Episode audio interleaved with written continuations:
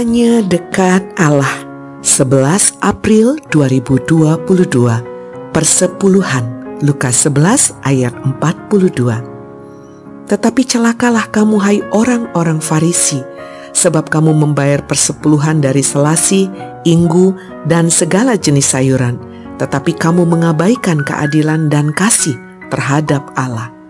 Hal-hal tersebut harus dilakukan tanpa mengabaikan yang lainnya. Betapa ketatnya orang-orang Farisi dalam soal persepuluhan. Mereka memberikan sepersepuluh dari selasi, inggu, dan segala jenis sayuran kepada Allah.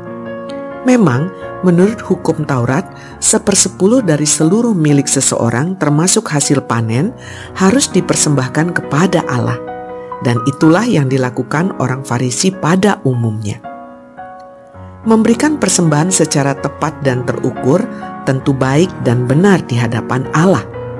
Itu merupakan salah satu tanda dari pengabdian kepada Allah. Akan tetapi, yang menjadi soal adalah ketika orang merasa cukup hanya dengan itu. Setelah memberikan persepuluhan, terbersit rasa puas dalam diri. Ada perasaan lunas dalam hati dan pikiran, tak merasa perlu melakukan kebaikan yang lainnya, dan itulah yang dikritik Yesus. Menurut sang guru dari Nazaret, menolong orang lain tak kalah pentingnya daripada hukum persepuluhan tak boleh mematuhi hukum yang satu secara ketat, namun mengabaikan hukum yang lainnya.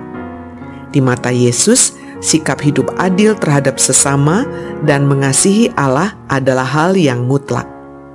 Memang, ketika hukum persepuluhan dilakukan secara ketat, kita bisa saja tanpa sadar menganggap Allah sebagai pribadi yang menuntut. Kalau sudah begini, pelaksanaan hukum itu malah terasa berat bahkan terpaksa. Akhirnya, kasih kepada Allah yang menjadi dasar persembahan malah hilang lenyap. Salam semangat dari kami, literatur perkantas nasional. Sahabat Anda bertumbuh.